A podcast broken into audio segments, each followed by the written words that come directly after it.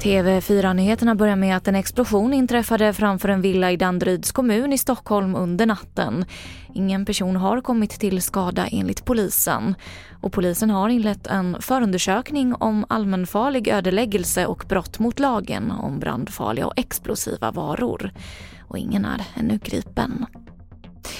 Idag kommer utrikesministrarna i 57 muslimska länder att ha ett virtuellt möte för att diskutera den senaste tidens koranbränningar i Sverige och i Danmark.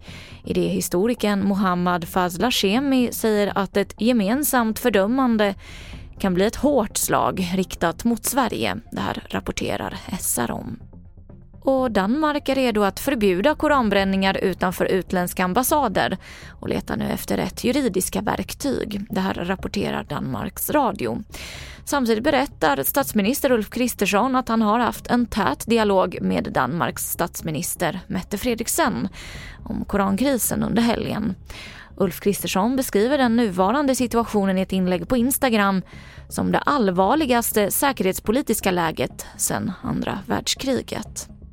Och homosexuella män ska kunna ge blod på lika villkor som alla andra.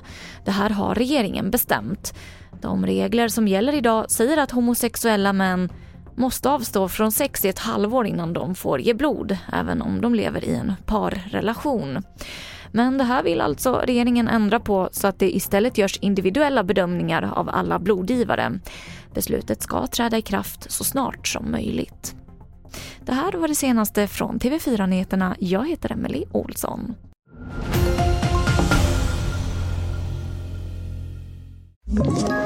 Ett poddtips från Podplay.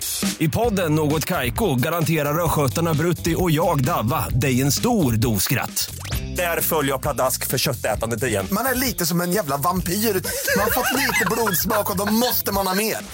Udda spaningar, fängslande anekdoter och en och annan arg rant. Jag måste ha mitt kaffe på morgonen för annars är jag ingen trevlig människa. Då är du ingen trevlig människa, punkt. Något Kaiko, hör du på Podplay. Därför är gardinerna.